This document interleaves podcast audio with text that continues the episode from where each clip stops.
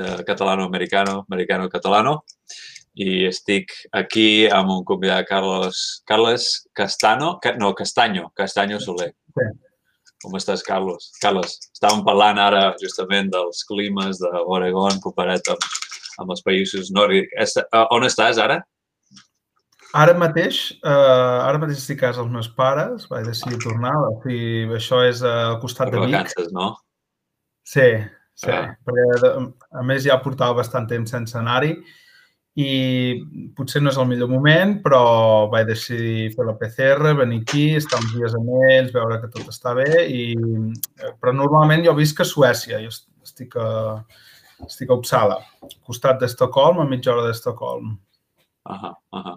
Estàvem parlant del, abans, abans de començar, parlant dels climes, que a Oregon els estius són uh, espectaculars aquí i, i tu, tu, tu deies que també ja els estius són estan, està molt bé. Uh, sorprenentment, sí. Jo tenia... Sempre, quan et parlen del clima del nord d'Europa, tens una idea d'un clima, bueno, un cel gris, que sempre plou, que sí. no pots prendre mai el sol. El mateix aquí, ja. Podria ser el concepte o, la idea de, de, del Regne Unit, però, sens dubte, no és, no és, no és la idea de, de Suècia. No, no és aquesta ni de bon tros. Sí que a vegades plou, no, no tens un estiu de, de ple sol, com si diguéssim, que, pràcticament cada dia, com, com el Mediterrani, però sí que és veritat que tens molts dies eh, molt de sol i temperatures de 25, eh, pràcticament 30 graus. Això a l'estiu. Uh -huh pues, t'ho dic, dic un secret que no és molt secret, però sóc de Florida i els, les temperatures no em registren. No, les temperatures, si tu me dius 25 com 30, bueno, també fem Fahrenheit aquí en comptes de Celsius, però mm -hmm. els dos no... O sigui, m'has de dir, porto jaqueta o no? És veritat, és veritat. No me'n recordava. Perquè a Florida no, no, màxim una jaqueta, o un sweater i ja al migdia ja comences a treure el top. I potser és entre 70 i 80, potser, però no, els números no, no m'encaixen. No m'encaixen encara, només fa un any i... Però dos anys ara quasi a Oregon. Però... De fet, de fet, M'hauria d'haver recordat perquè tinc un company de feina que és de Minnesota i sempre, sempre que parlem de temperatures em diu oh, uh, uh, what's that? Com, ah, doncs, 3 degrees. I ell és, wow! Saps? Ja, ja. Um, sempre ho has de convertir, per tant, ara mateix no, no me'n recordo, però eh, perquè fas una idea, normalment molts dies a l'estiu pots anar amb, amb pantalons curts i, i samarreta curta. Sí que és veritat que tindràs algun dia que tindrà, farà més fred, hauràs de portar una sudadera i t'hauràs de veure una mica més. Mm. Però um, és bastant així. És a dir, després a la nit sí que t'has de veure una mica més, una sudadera, potser, un suèter, mm. però, bé, per exemple, és molt típic del, dels suecs d'anar a l'estiu, d'anar als llacs, eh, perquè el mar Bàltic eh, fa un fred de por, l'aigua està molt freda, i els llacs normalment es calenten més a l'estiu. Llavors, eh, ah. hi ha bastants dies, no et diré que tots, ni, ni potser la meitat, que tu pots anar allà i, i pots prendre el sol. Com a mínim, aquesta és l'experiència que tinc dels últims dos anys, eh, dos, tres anys. Estàs, estàs ara fa dos o tres anys, no? Sí. Uh -huh. Aquest any va ser una mica... No vam tenir tants bons dies, però sí que l'any 2018, per exemple, eh, l'any 2018 va ser una excepció, no, no s'hauria de prendre com a exemple perquè va ser un any en el que pràcticament tots els dies eh, bueno, feia un, un temps eh, espectacular, feia sol i de fet va ser aquell any on va haver els grans incendis forestals que es van cremar tantes hectàrees al país i bueno, va ser una excepció, però sí que és veritat que d'altres anys molts dies pots gaudir de, de, del sol i en, en el llac i tires a l'aigua i cap problema. Mm -hmm. és, és com a Florida, que ja tenim fonts naturals d'aigua, eh, mm -hmm. que l'aigua és la mateixa temperatura tot l'any i durant l'estiu és molt, molt freda i està molt bé tirar-te allà quan tant de calor o tant d'humitat però mm. també eh, m'he tirat al cap d'any allà i l'aigua se sent... Ostres. Uh, comparative, comparatively amb, amb sí. el, el fred que fa fora està calenta, però és la mateixa temperatura tot l'any, de 67 graus Fahrenheit, que, uh -huh. o així, no? però no sé com és Celsius, però sí, sí, algo semblant.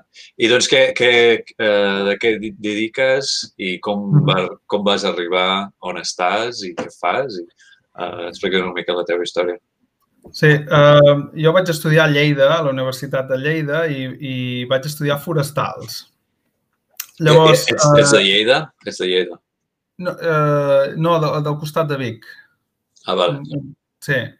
Vale. Um, vaig decidir estudiar forestal d'un poble que es diu Tona. És, és petit, no sé si... Els de Tona, si, si, si sou de Tona, feu un comentari.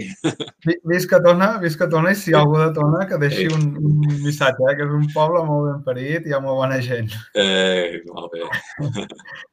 L'únic que, clar, sempre...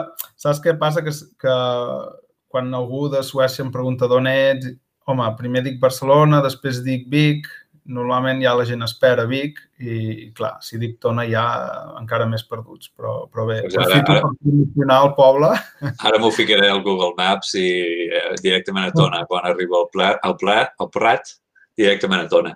Sí. visitar. Hi ha coses xules a visitar a Tona o...? Sí, home, hi ha, hi ha el castell, eh, sí, la, la plaça també és, és molt maca, el castell de Tona, hi ha un poblat ibèric eh, dels Ibers, molt, bueno, és, és, és bastant gran i bastant important. Eh, no sé, hi ha varis... Eh, està molt bé també per, per caminar pels voltants. Per exemple, jo vivia a Lleida i una cosa que, que, que trobava a faltar una mica era, era les muntanyes i, i el bosc, no? I, i a Tona, sens dubte, doncs, hi ha, hi ha molta muntanya al voltant i, i bastanta natura. Llavors, eh, bueno, és un, és un poble que a mi m'agrada. Ah, o sigui, tornes, tornes allà. Estàs allà ara amb els pares, no? Sí, ara estic allà. Ah, sí, molt bé. Sí. Molt bé. Perdona, segueix, segueix amb, amb el Lleida, forestal. Cap, no, no, cap problema. Um, Llavors, jo vaig estudiar forestals i, i bueno, eh, mentre estudiava i, i una mica també després de, després d'estudiar vaig començar a treballar amb, amb, el, amb una malaltia del castanyer. Eh, una mica per fer honor al meu nom, al meu cognom, perdó. Castanyo. I, bueno, va ser molt interessant, vaig aprendre molt, eh, però vaig decidir una mica fer una mica de canvi i adquirir bueno, no, noves experiències i, i formar-me una mica més a l'estranger. Uh, I vaig decidir fer un Erasmus, un Erasmus pràctiques, uh, que és anar treballant en un, en un altre laboratori, que um, per la gent que no ho sap, el, els Erasmus uh, aquí a Europa són els programes d'intercanvi, on tu doncs, pots anar a un altre país i aprendre i, i agafar experiència en un altre país. Mm ja sigui acadèmic com professional, és a dir, també pots fer-ho uh, treballant. Sí, uh, study abroad, tipus. Mm -hmm. mm. I bé, vaig, vaig decidir fer això amb, amb la por del fred i, i, i, i tot, el que, tot el que la gent parla dels països del nord, no? que són un exemple, normalment els considerem un exemple, però alhora, quan ens referim a temes socials o d'interaccions, eh, diem que són més freds, que no parlen tant, que no són tan, potser més, no, no són tan amigables, no? I són tots aquests estereotips que, que a vegades eh, cada país eh, té o, o diu d'altres països. I jo vaig arribar al país, vaig arribar a Suècia en un dia eh, que mai oblidaré perquè el dia que vaig arribar allà era gener sembla que era el 13 de gener, no recordo exactament el número del dia, però vaig arribar allà que havia nevat, estava tot nevat, i havia nevat d'una manera que absolutament tot estava cobert de neu. Inclús, eh, inclús els troncs dels arbres tots blancs i, i bueno, era, era molt bonic. I vaig coincidir a més que es va donar una situació de climàtica o de meteorològica que el sol eh, brillava com mai l'he vist en, en la meva vida i eh, teníem temperatures de 20 sota zero. Uh, clar, jo mai havia estat a 20 sota zero i vaig dir, uh, no sé, va ser com un welcome to Sweden. sí. Uh, Sí, la veritat, i me'n recordo que el primer que vaig pensar va ser, ostres, és veritat que dèiem que els pisos nord fa fred i, i realment aquell dia vaig pensar, sí, fa un fred de por. Vaig, vaig inclús sortir a caminar pels voltants i, i, i gairebé em congelo, és a dir, no, no em vaig preparar el suficient el primer dia i, i bueno, són aquestes cosetes, són aquests detalls que recordo d'aquell dia. Um, bé, jo vaig treballar allà i em va agradar tant vaig tenir tan bona experiència, vaig aprendre tant que vaig decidir després um, uh, començar un doctorat a Lleida, però fer uh, també fent uh, un intercanvi a Suècia. Uh, amb la qual cosa vaig tornar a anar a Suècia, això estem parlant, el primer cop que vaig anar allà d'Erasmus Pràctiques era 2013, el, uh, vaig estar allà uns mesets, Després vaig començar el doctorat a Lleida i el 2015 vaig començar a Lleida i el 2016 me'n tornava a Suècia. Va anar molt bé, em va ajudar molt a la tesi, perquè molt, moltes de les parts que volíem fer en el meu doctorat eh, realment allà a Suècia, en aquest laboratori, eren, eren els experts. I vaig acabar el doctorat i jo pensava eh, ja en el postdoc, no? És a dir, quan fas un doctorat o bé te'n vas a una empresa que va ser, era una opció més que possible o bé doncs, comences a fer la, comences a fer la roda del, dels postdocs. És a dir, ara fas un postdoc aquí, al cap de dos anys allà, és a dir, vas canviant una mica de país mm -hmm. fins que estàs en un lloc doncs, que pots aconseguir una posició més o menys estable.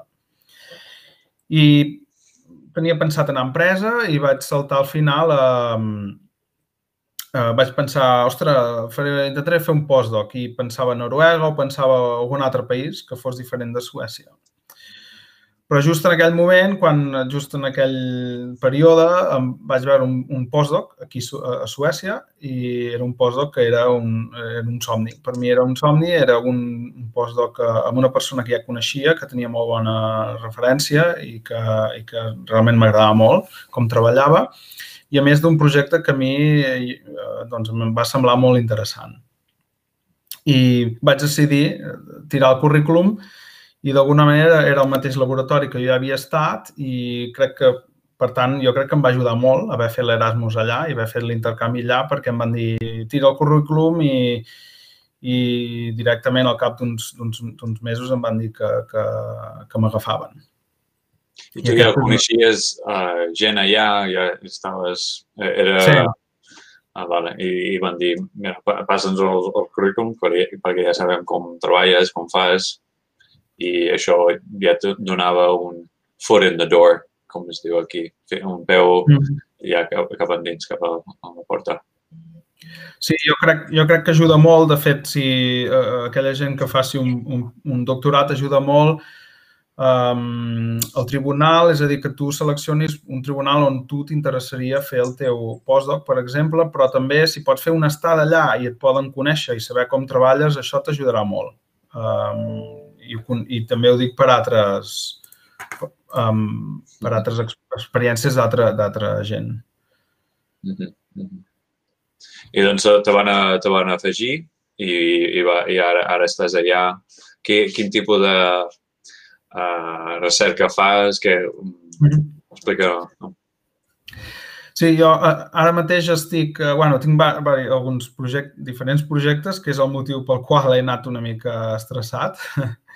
però n'hi ha un de principal, que és el de, sobretot treballem en, en ecosistemes subàrtics, uh, que és, és sobretot treballem al, al nord de Suècia, Mm. I, el, I el que està passant actualment amb el, amb el context de canvi climàtic és que aquests ecosistemes, sobretot eh, l'àrtic i el subàrtic, estan canviant molt. I un dels canvis que estan sofrint és que el que seria els arbres i els arbusts i, i altre tipus de vegetació estan eh, envaint tots aquests ecosistemes on normalment o on acostumaven a abundar molt més eh, un tipus de vegetació que són un, un, uns, en anglès diu dwarf shrubs, que són, són, uh, són arbustos uh, molt, molt petits, molt, molt baixets. Són, bueno, de la família de les, de les ericàcies i en anglès ho, ho coneixem com els dwarf shrubs. I són invasius, és una espècie invasiu.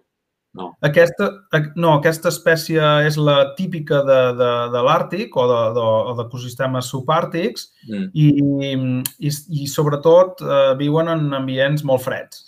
Llavors, una de les característiques d'aquestes espècies és que els ecosistemes on viuen, és a dir, eh, sobretot molt freds, eh, acumulen molt carboni. Llavors, eh, per això, d'alguna manera, eh, per això sabem que, que en aquests ecosistemes hi ha molt de carboni als sols, a, sota la terra, i el que està passant amb el canvi climàtic és que eh, l'increment de temperatures afavoreix que en comptes d'haver aquests arbusts hi hagi, eh, es, comencin a créixer arbres com els coneixem, ja sigui pins, ja sigui eh, altre tipus d'espècies d'arbres.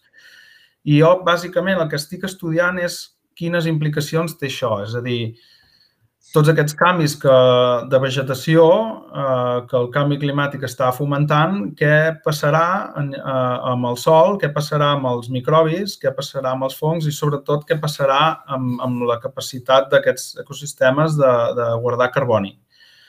Um, ens interessa que el carboni estigui sota terra per, per no complicar més tot el tema del canvi climàtic. Um, i el que sabem és que canvis, eh, aquests tipus de canvis que provoca l'augment de temperatures eh, fan que aquest carboni pues, eh, o bé, o bé s'alliberi o bé s'emmagatzemi més.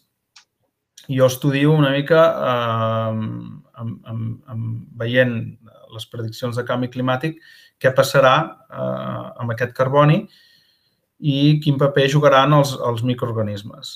Uh, per tant, treballo molt amb temes d'ADN, identificant, identificant els microbis, una mica uh, estudiant a veure quins processos fan, etc uh, etc. No, no sé, és una mica complicat, eh? però... Ja, ja. Però hi ha, hi ha espècies, estàs dient que hi ha unes espècies que guarden més carbó, com aquests shrubs, aquests petits shrubs que dius. Sí. Ara amb el canvi climàtic no podran guardar tant o, o hi eren menys o és, no, no s'adapten al nou clima, uh, nou clima? Exacte, les dues, has dit les tres possibilitats. Uh, estaran menys adaptats al nou, al nou, a les noves condicions del clima. Um, no podran competir amb els arbres perquè els arbres tenen molta més capacitat uh, per competir uh, um, quan les temperatures són més òptimes uh, i uh, seran menys capaços d'emmagatzemar aquest carboni. És una mica el, el que estem veient. Mm -hmm. um, sí, i estem intentant explicar una mica el mecanisme, com això succeeix i, i, i per què és així. I explicant I... tota la cadena de, de, de, de food chain, no? que si aquests shrubs petits marxen i els arbres grans més, més surten, els que mengen els shrubs també marxaran o hi haurà menys sí. i intentar explicar tota la història de... Sí. I, i, eh, sí. Explica, sobretot enfocat, sobretot enfocat a, mic, a, a, a microorganismes. Mm, mm, mm. Com canviaran i... I, i, i tens, ten, hi ha un, una idea de com, com, com va o és, eh, encara esteu, esteu fent estudi per, per saber una mica més? Sí, um, una de les coses interessants que hem vist últimament és que el, el que s'havia, de fet, un, una de les notícies molt controvertides és que um, els governs volien plantar milions o bilions d'arbres uh, en tot el planeta per mitigar el canvi climàtic. Això és un, un tema que, de fet, va sortir per les notícies i se'n va parlar molt i ja hi existeixen actualment programes molt ambiciosos per plantar arbres arreu del món. I, eh, i de fet, aquests programes governamentals es veien recolzats per certs estudis que van sortir que deien que una manera per mitigar el canvi climàtic era plantar arbres. Eh, Podria ser en alguns ecosistemes, però sens dubte el que hem vist és que en els ecosistemes àrtics i subàrtics el més probable és que això no sigui així. Um, aquests ecosistemes emmagatzemen carboni precisament perquè no hi ha, no hi ha arbres.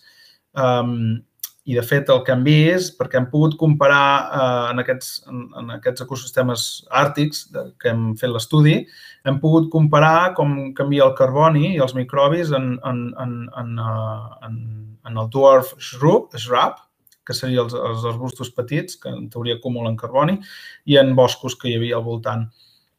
I, de fet, hem vist que eh, els, els boscos o aquests arbres a sota, a sota el sol tenen molt menys carboni que, que no pas en el, en el, uh, en el cas del, dels dwarf shrubs, d'aquests arbusts, Um, I és per un tema de, de, de que els, els arbres tenen uns microbis que són capaços d'alliberar tot aquest carboni del sol.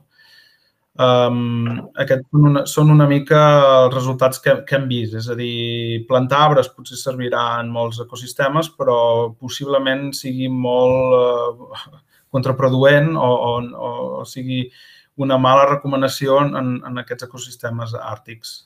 Mm -hmm. O sigui, plantar shrubs als països nòrdics, als altres llocs potser arbres sí.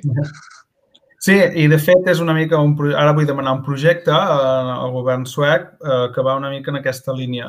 Eh, no tant plantar shrubs, però sí mantenir-los. I una, un element que tenen a Suècia és que a Suècia hi ha la, la cultura Sami.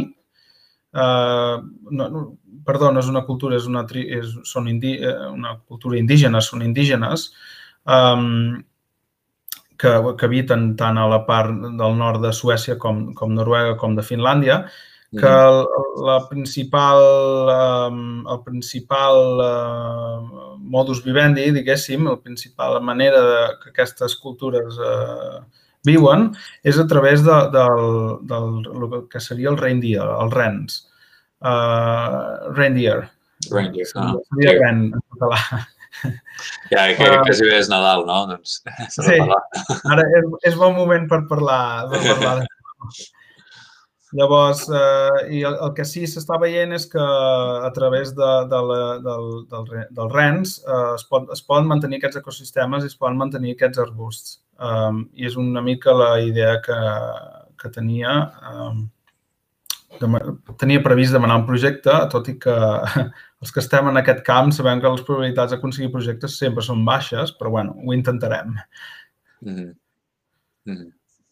I doncs, eh, un, altre, un altre tipus d'estudi que feu és, és amb els renos i amb aquests, amb, amb els uh, indígenes.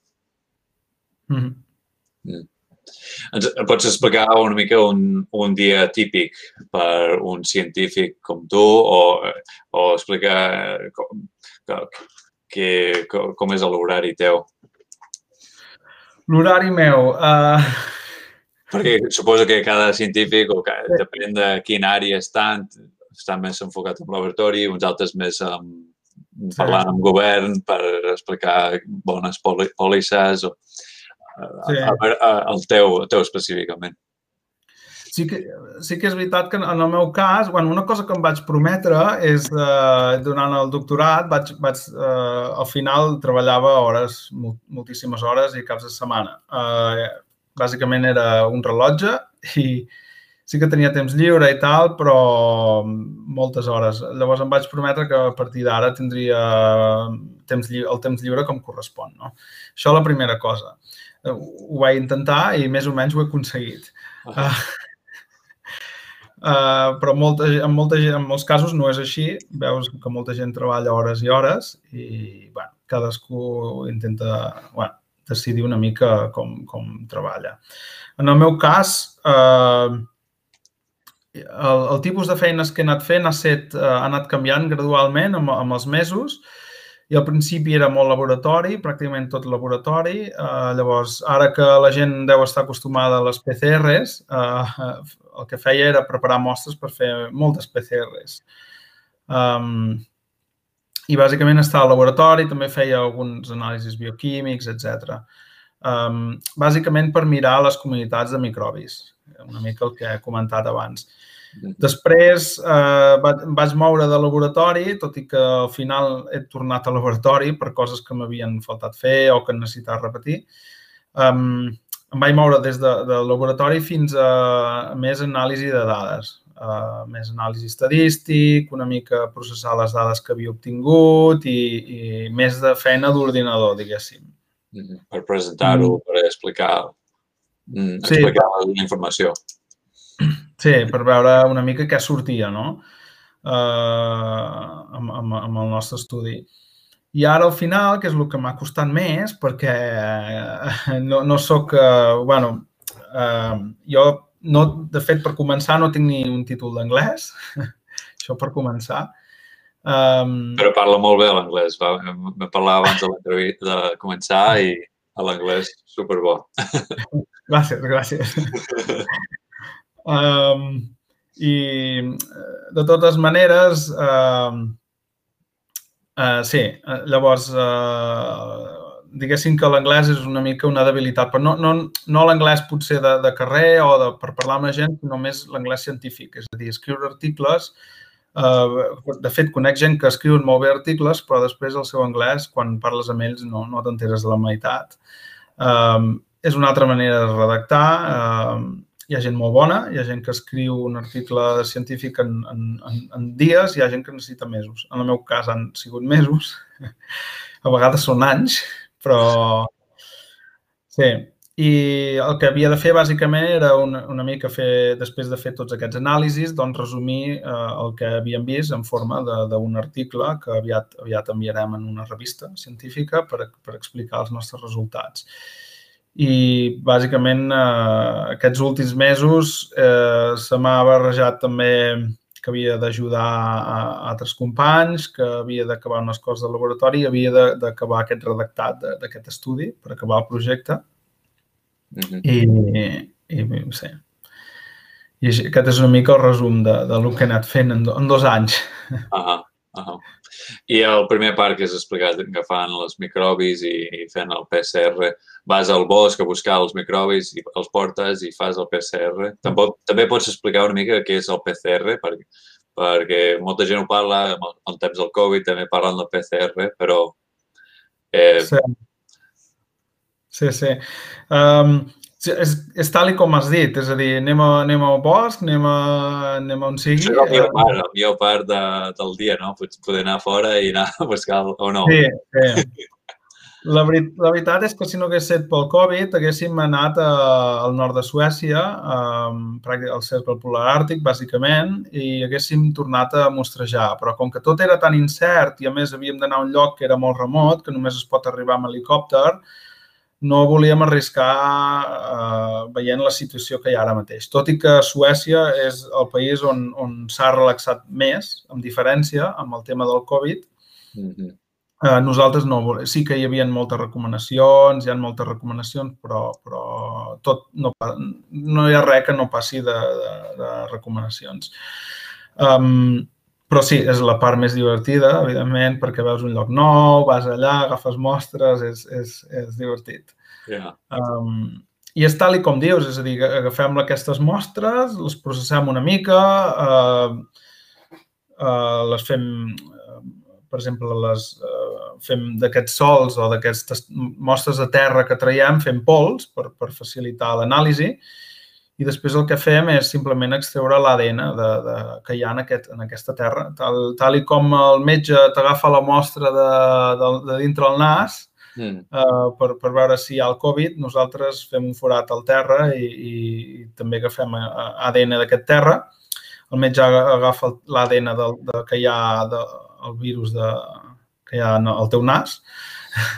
Mm. Uh, però al final és el mateix, la tècnica és molt similar i, i com, com es fa? Com, com, com es fa? Es fica en aquell dish i se mira microscopi?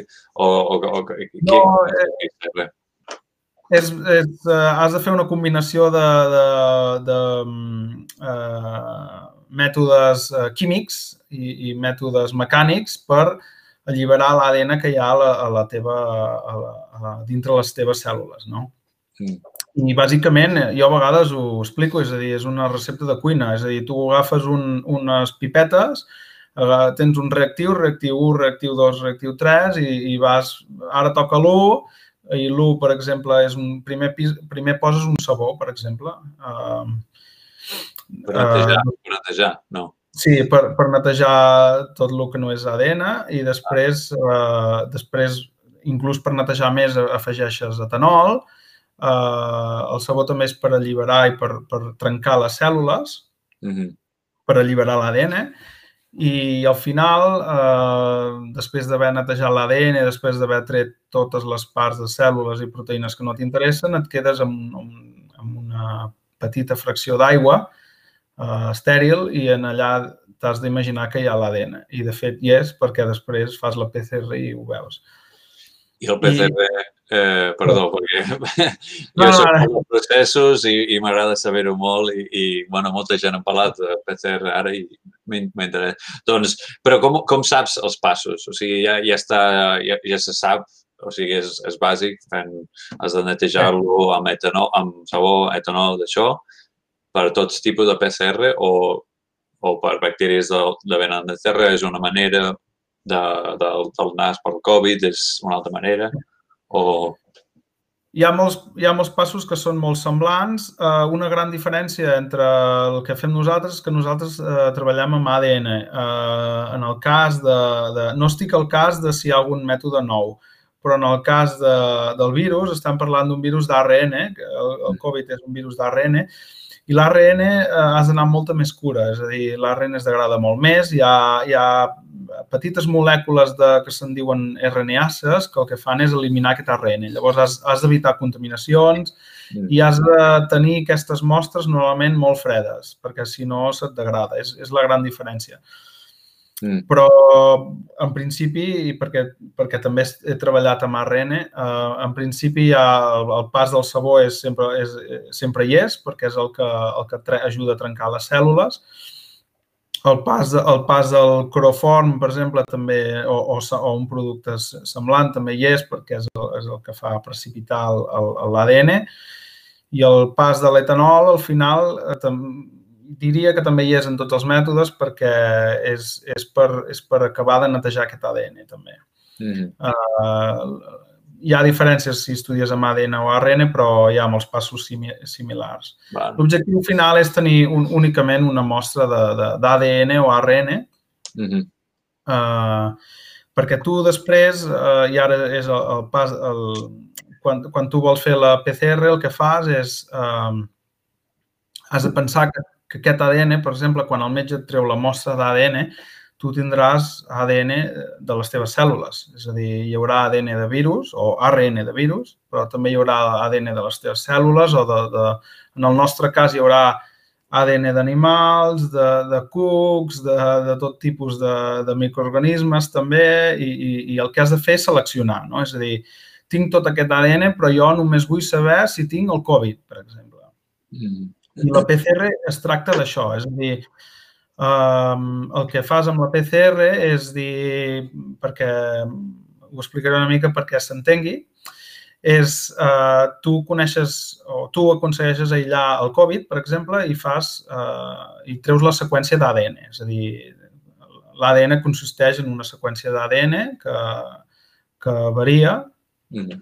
i, i hi ha regions del genoma que són específiques de cada organisme. És a dir, el Covid té una regió en, en el seu ARN, en aquest cas, que és específica del Covid-19, no? Um, I això els científics ho poden saber comparant genomes i poden dir, ostres, uh, aquesta regió, de, uh, precisament aquesta regió d'aquí, del genoma, uh, no hi ha cap organisme al món que, que tingui aquesta seqüència. Llavors tu dissenya... Hi ha una database de seqüències sí. i, i tothom sí. o sigui, agafa una seqüència i veuen que Covid no, no està en cap altre lloc i, però mirant aquesta dada, no sé si és un Excel ben gran o, o és un... Uh... Sí. De, de fet, tinc una companya que em va demanar, em va preguntar-lo de la PCR, em diu, hosti, això és fiable i tal, mira't-lo del Covid. Vaig anar, hi ha una base de dades, hi ha moltes, per començar, però n'hi ha una, una que, una que és, és potser la més, la més gran o la més important, que és, és americana, de fet, és el NCBI, uh, que tu pots anar allà tranquil·lament i tu pots dir show me COVID-19 sequences um, i tu te les pots descarregar, pots fer el que vulguis amb elles, són públiques i, i, de fet, eh, els científics que, que desenvolupen la PCR van allà, treuen la, aquestes seqüències, les comparen amb la resta de, de seqüències del món o d'altres virus semblants Mm. I diuen, precisament aquesta regió és específica de, del Covid uh, i és allà on, on els científics dissenyen una mena, el que s'anomena primers, que tu utilitzaràs en la PCR i tu ficaràs aquests primers i d'alguna manera et detectaran el, el Covid i bàsicament el que faràs tu per, per, per saber si, si tens el, el, el Covid o no és, és amplificar milions de còpies eh, l'ADN aquest utilitzant eh, aquests primers. Si els primers no troben, no troben l'ADN específic, és a dir, fiques els primers a la mostra i no, no hi ha Covid, els primers aquests no trobaran la seqüència d'ADN i bàsicament no, l'ADN no es podrà amplificar i, el que, i és el que entenem com a negatiu. Quan tens un negatiu és que els primers els, el, no, no van trobar el, el, el, la seqüència del, del Covid-19. Mm -hmm. I això, això és, és quan eh, barregen el primer amb, el, amb el, el, la bactèria o el Covid, que el test del Covid, Sí. I, i ho, fi, ho fiquen en aquest gelatin que després ensenya on està la sequence. És això, el, el gelatin que estan usant pels tests aquests? O és... el, el, el gel de garosa, dius? Sí, aquesta ah, que surt sí. i, i, i surten... bueno, recordo sí. fa molts anys, no? De, de ciències ara m'ha recordat. Sí. Usen sí, això, és una altra, una altra mostra. De, de, fet, de fet, una de les coses que vaig poder, poder comprovar és que la gent eh, mal, mal nom el, el, el test que, que, que es fa, perquè en realitat no és una PCR, el que es fa és una, una reverse transcription qPCR, és a dir, ah. eh, en realitat és una, per resumir-ho, és una PCR quantitativa, eh, que no, no fa servir el, el gel de garosa tradicional, mm. sinó que eh, tens una màquina que t'ensenya en temps real com l'ADN d'aquest virus s'està amplificant. I tu pots, no només pots veure que hi ha el virus, sinó també que pots determinar quantes còpies d'ADN de virus tens tu en, el, en aquesta mostra. És un mètode bastant més sofisticat i, i bastant més fiable, de fet. Mm, mm. I feu servir això també per als vostres... Sí. Algú semblant, vale. En el nostre cas, en comptes de posar, d'introduir primers de Covid, el que fem és eh, introduir eh, a, la, a la reacció de PCR, eh, el que fem és introduir primers que detectin fongs, qualsevol fong, i ah. bactèries. Mm. Llavors, tot el que sigui fongs i bactèries eh, ens queda amplificat. Eh, tenim milions de, de còpies de tots aquests fongs i bactèries i després el que fem és seqüenciar-ho. Tenim milions de seqüències d'ADN d'aquests fongs i d'aquestes bactèries que després en processos eh, bioinformàtics i que són una mica complicats i val a dir que està bastant automatitzat, per sort meva, eh, després pots veure quines espècies tens, etc etc. I, bueno, i pots saber una mica més què tens a les teves mostres. Mm -hmm. És una quin... mica el que he anat fent jo, de fet. Ja. Quin, quin part de la feina t'agrada més? Els resultats, fent el procés, anant al bosc amb l'helicòpter, per mi seria, seria anar a l'helicòpter, però... Evidentment és aquest. Um, depèn molt, però potser en ordre et diria quan, quan eh, m'envien les seqüències d'ADN, um, hi ha una part que has d'anar mirant quines espècies tens i et surt allà una llista de totes les espècies. Jo diria que aquesta és la part que a mi m'emociona més, perquè tu vas veient, hosti, hi ha això, hi ha allò, i a ah. vegades, eh, a mi m'agraden els bolets, per exemple, eh, a vegades veus espècies de bolet que dius, hòstia, hi ha... Hi ha aquest hi ha, bolet de, de tona, hi ha no? Allò, hi ha um, cep, i això ho veus en l'ADN que hi ha al sol, veus tot, totes aquestes espècies. -huh. I aquest és un moment que dius, hosti, eh, és com si estiguessis veient no, les espècies que tens allà i... i com una, sol... com una loteria. A veure, a veure, a veure, quina... quina eh. I va canviar, i, o sigui, vas agafant mostres de diferents parts del, de, del país i, i vas sí. veient com es mouen de lloc a lloc o és, és perquè, bueno, depèn del, del mostre?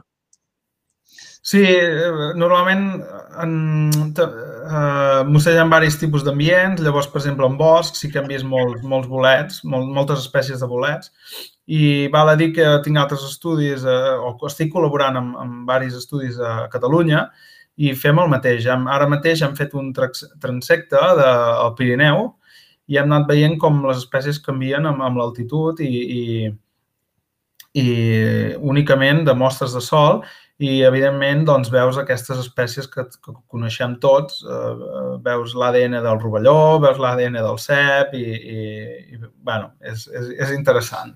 Ah, ah. ah molt bé. Uh, ten, um, uh, T'ha canviat una mica el, el, uh, el, el teu pensament canviant d'estar de, de, a, a Lleida, estudiant allà, anant a Suècia, t'ha donat una diferent perspectiva. Recomanes mm. això, per gent, per, per canviar una mica, per, per, per anar a un altre país, per aprendre, per, per, per veure una altra perspectiva? Com, com te sents? Sí, és, és, uh, Suècia és un país que diria contrastat amb, amb, amb el que és Catalunya o que seria Espanya o, o el sud, el sud d'Europa, sens dubte. Um, jo ho recomano, jo ho recomano molt, és a dir, està molt bé, al principi pots sobtar, uh, després um, en, vas entenent més la cultura, vas entenent més com ells veuen les coses. Uh, uh, I ho veuen molt diferent? Ho veuen molt diferent o...?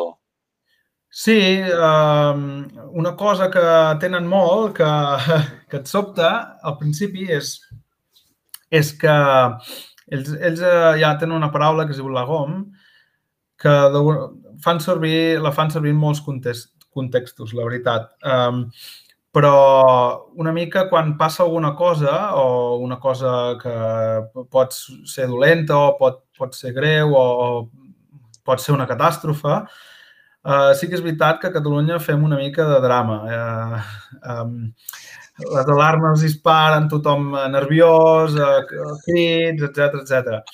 Quan ah. això passa allà, uh, curiosament, uh, uh, no, me'n recordo al principi que deia, ostres, però no s'han enterat de que aquí passa alguna i tal. I ells normalment mantenen molt la calma. Um, diria que al sud d'Europa som una mica més de drama, de fer una mica el drama, no? I allà mantenen molt la calma, sí que potser tenen una capacitat de resposta més lenta, però pensen molt abans de, abans de fer res, quan, quan, sobretot quan hi ha una situació eh, extrema o, o que, o que és, és una mica o perillosa inclús, veus que ells eh, estan tranquils, mantenen molt la calma i, i pensen què poden fer, quins protocols hi ha, etc etc. Això és una, és una de les moltes diferències que hi ha. I, com, i, i, i saps per què tenen aquesta mentalitat diferent o és perquè les escoles el van ensenyar o és cultura o... Jo crec perquè ells tenen molt clar um, aquesta cultura del logom està molt, molt a dintre, és a dir, sobretot de, de, de mantenir la calma. Um, llavors, ells, ells sí que és veritat que intenten sempre consensuar molt tot, és a dir, ningú farà res fins que no estigui clar eh, com podem afrontar aquesta situació i, de fet, és, és estrany que no tinguin ja un pla per, perquè, per, a les, per a aquesta situació, perquè a vegades quan passa alguna cosa que dius, bueno, ha passat això, bé a saber si tornarà a passar mai, ells realment diuen, ostres, ens ha passat això, què hem de fer per, per uh, evitar que torni a passar? I, I per això, que és una cosa que em sobtava molt, veus que tenen protocols i, i llistes per tot i, i jo, per exemple, sóc responsable del congelador d'allà i, i, i havia de fer un, tot, tota una sèrie de coses, eh, ficar una, unes normes, consensuar-les amb el meu company que també era responsable, tenir l'ok, ficar la data, etc etc. Uh -huh. Llavors, és una mica més organitzat, diria, però també també val a dir que poden fer això perquè, eh, com a mínim, a la universitat on estic, eh, els fons o els, els diners o els recursos que tenen són, són més elevats, eh, penso jo, que, que en moltes universitats de, del sud, per exemple, d'Europa. De, mm. o sigui, tenen protocols per tot i està ben sí. documentat. Jo estaria al mm. paradís, com que eh, intento documentar coses, processos i mirar com se pot millorar coses. Una cosa molt bona que tenen, boníssima, és que jo quan vull fer qualsevol cosa a Catalunya, eh, tot el tema burocràtic és, és un mal de cap moltes vegades, no saps on anar, et diuen una cosa, vés aquí en un lloc, vés, a, vés allà en una... A vegades no, no ho tenim molt ben organitzat segons què i veus una mica descontrol. Allà és tot molt fàcil. Um, Ficar-te a la cua per demanar un pis és facilíssim, ho fas ara en un minut. Um, um, fer qualsevol cosa, pagar els impostos, que aquí bàsicament has d'anar amb un gestor moltes vegades o perdre, perdre hores per, per, per, per fer tot el tema de la declaració de renda, allà és facilíssim. Allà és un, és un botó, dius està tot ok, sí, i a menys que tinguis una cosa molt complexa, eh, després aniràs a un gestor, però en general totes aquestes, registrar-te on siguis és molt, molt fàcil i normalment és una, tot està en una pàgina web que bàsicament és per nens i, i és una de les coses Sí. Wow. No, nosaltres també ho necessitem aquí als Estats Units. Sí. Sobretot amb els impostos, que ho fan una mica complicat. Sí, sí. sí. I, I com portes la llengua? Uh, treballes més en anglès o eh, ho, ho estàs aprenent una mica al, Sí, uh, bona pregunta.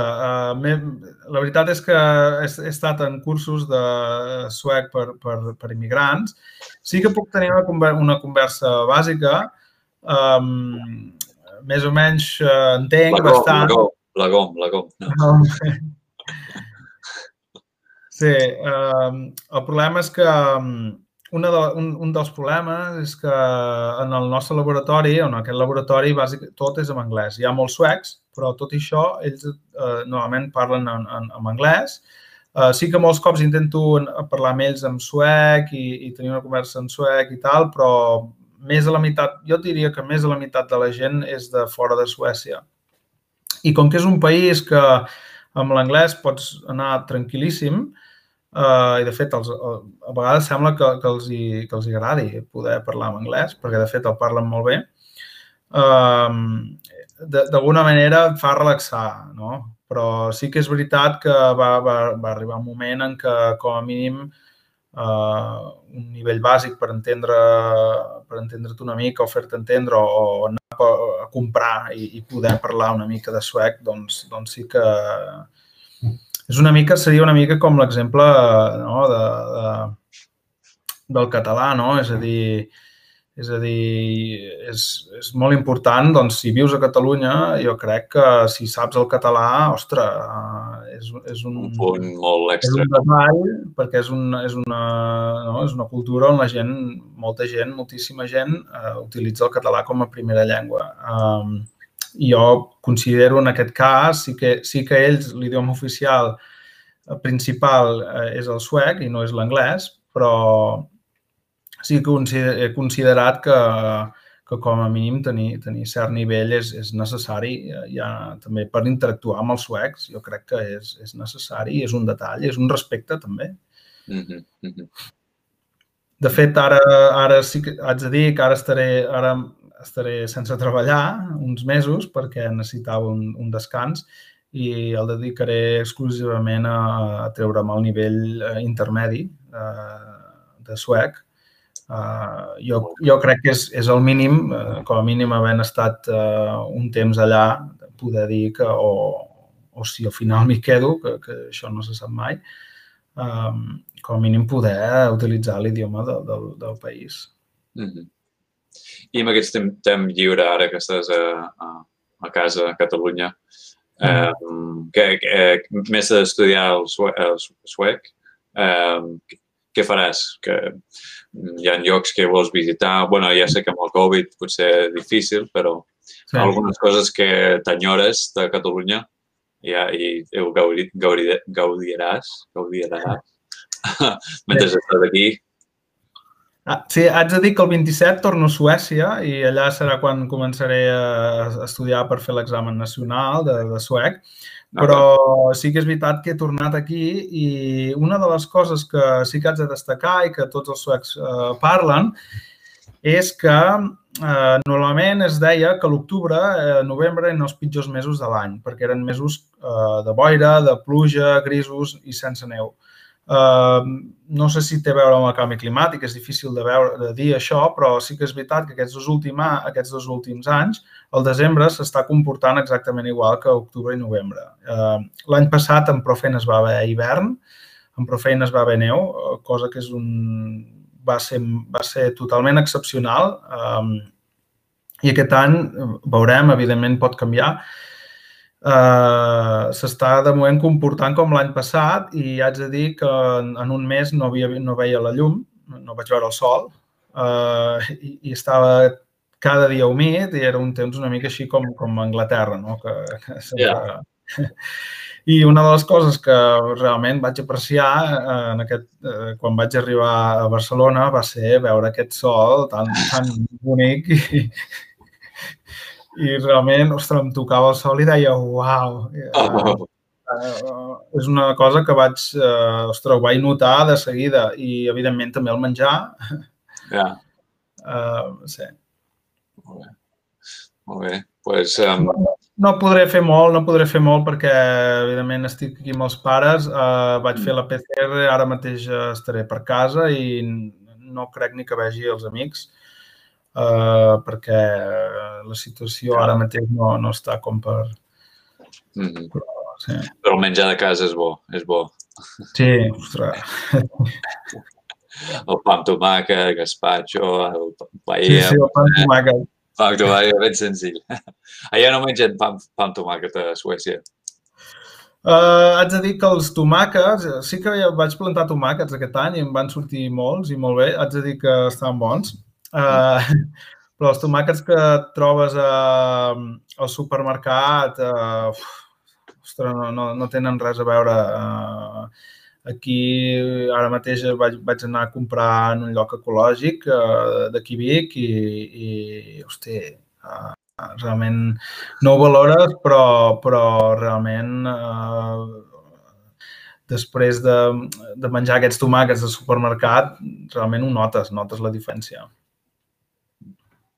Què veus amb els, els pròxims 5-10 anys uh, amb la teva carrera? Seguiràs fent, fent uh, estudis a Suècia, a Suècia o, um, o vols enfocar en una altra àrea o, o qui, qui, quin és el teu, teu trajecte? O què penses? Això també pot canviar sempre. Bé, és, és molt bona pregunta perquè, de fet, ara estic en aquest moment de dir què faig, no? Uh, moment de, en moment de crisi, no? O no? Sí, et diria que sí, et diria que sí, et diria tal qual.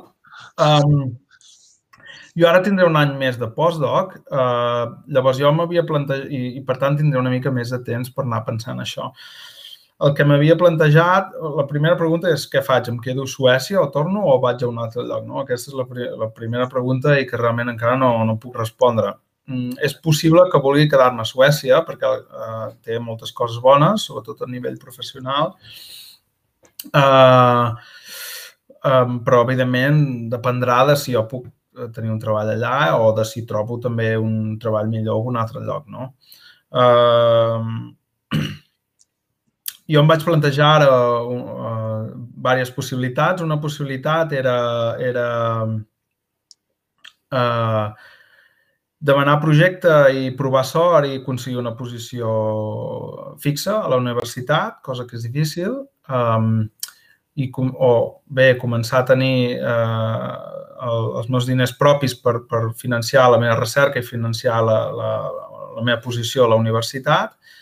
En cas de fallar, eh, tenia pensat eh, d'iniciar, eh, perquè després del doctorat vaig començar a rebre mo moltes sol·licituds d'ajuda per analitzar aquest tipus de dades, d'anàlisis de, de, de seqüències d'ADN, una mica, o també d'anàlisis de dades PCR, etc etc. Em vaig plantejar de, de uh, plantar-me i, i fer-me autònom i oferir aquests serveis d'anàlisis de dades i, i anàlisis moleculars, que, que se'n diu, veient que la gent enviava correus i, i haig de dir que, que necessitaven ajuda i, i, i ja no sé com està la part econòmica, però normalment necessitaven ajuda i a canvi doncs, em ficaven en el, en el seu article. No? Però sí que hi ha una necessitat, hi ha una demanda i m'havia plantejat fer-me autònom. El problema és que per fer-me autònom a Suècia o inclús a Catalunya i, o per iniciar la meva, la meva empresa hauria de, de, de abans eh, assegurar-me que tinc tota la infraestructura i que i també mirar una mica tot el tema de, de, sobretot a Suècia, que és difícil, tot el tema dels impostos.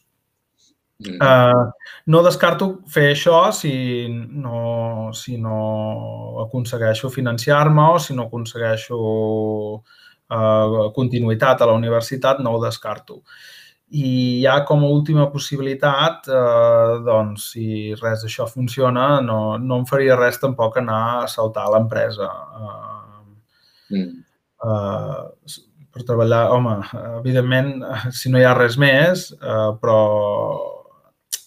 és, també depèn, no? És a dir, hi ha empreses que tenen condicions de treball bones o fas I més D, més recerca i potser, potser seria inclús... M'agrada aquesta idea d'autònom. De, no pensava que seria, eh, és, seria possible, possible per un de científic fer-se autònom, però és un, és un servei, sí. és un servei, it's a service, no? Fent, fent um, uh, tests, tests i el material és molt car de muntar-se per fer... Per, per, per, o sigui, necessites uh, màquines ben grans i tot un laboratori o això es podria col col col col col·laborar, collaborate with altres científics de la mateixa zona sí. o, o no?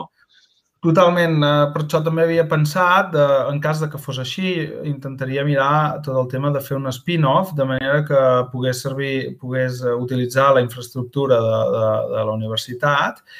I, de fet, a Suècia eh, van un, haig de dir que no hi ha molta iniciativa en aquest sentit. És a dir, la gent no es planteja fer un spin-off. Uh, possiblement perquè Uh, la mentalitat sueca és molt... Um, una mentalitat de spin-off i fer-te la teva empresa, això m'ha dit algun suec, no sé si es pot generalitzar, es veuria molt com una cosa um, que és individualista, no? És per fer diners tu i no és per... Uh, no és tan socialista, és a dir, no, no sé com explicar-ho.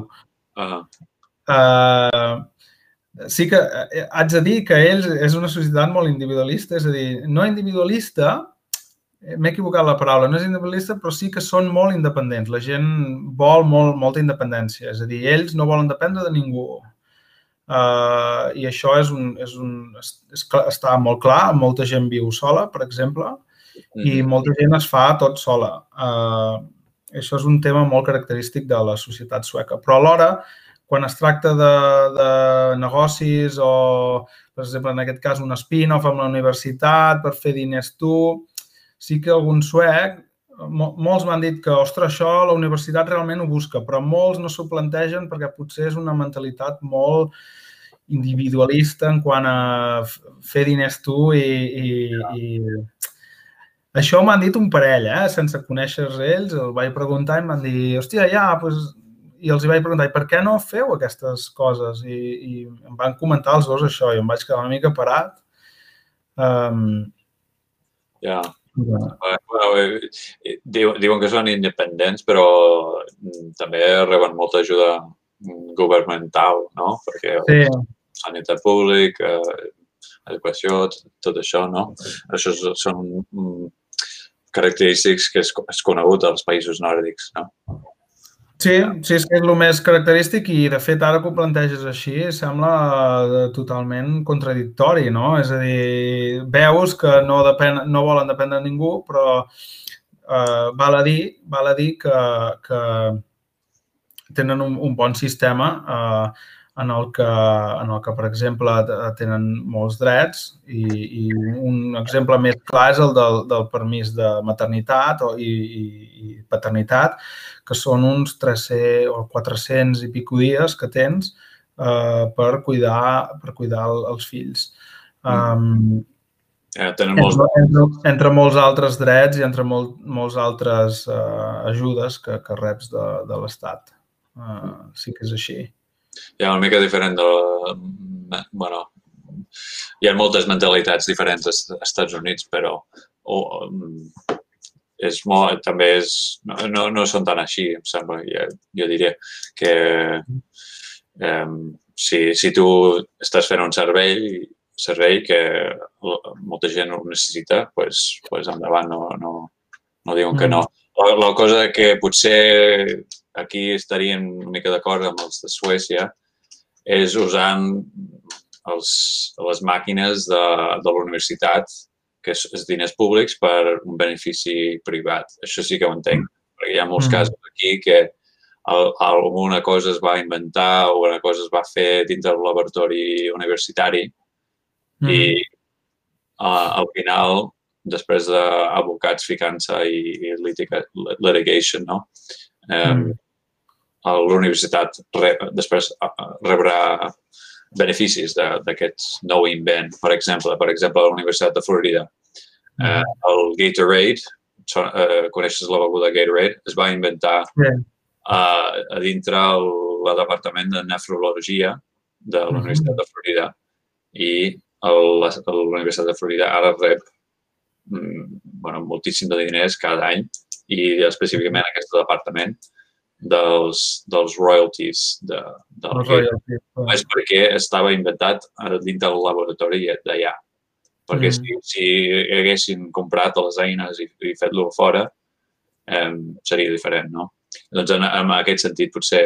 Per això preguntava, per ser fer-te autònom a Catalunya o a mm. Suècia i, i muntar-se muntar una empresa de fer aquests serveis i agafar diversos científics donant serveis i tots usant la mateixa màquina, però fora de la universitat.